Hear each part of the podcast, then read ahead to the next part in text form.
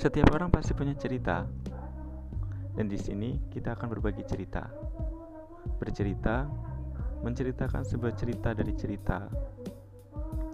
Oke, selamat datang di Pipots.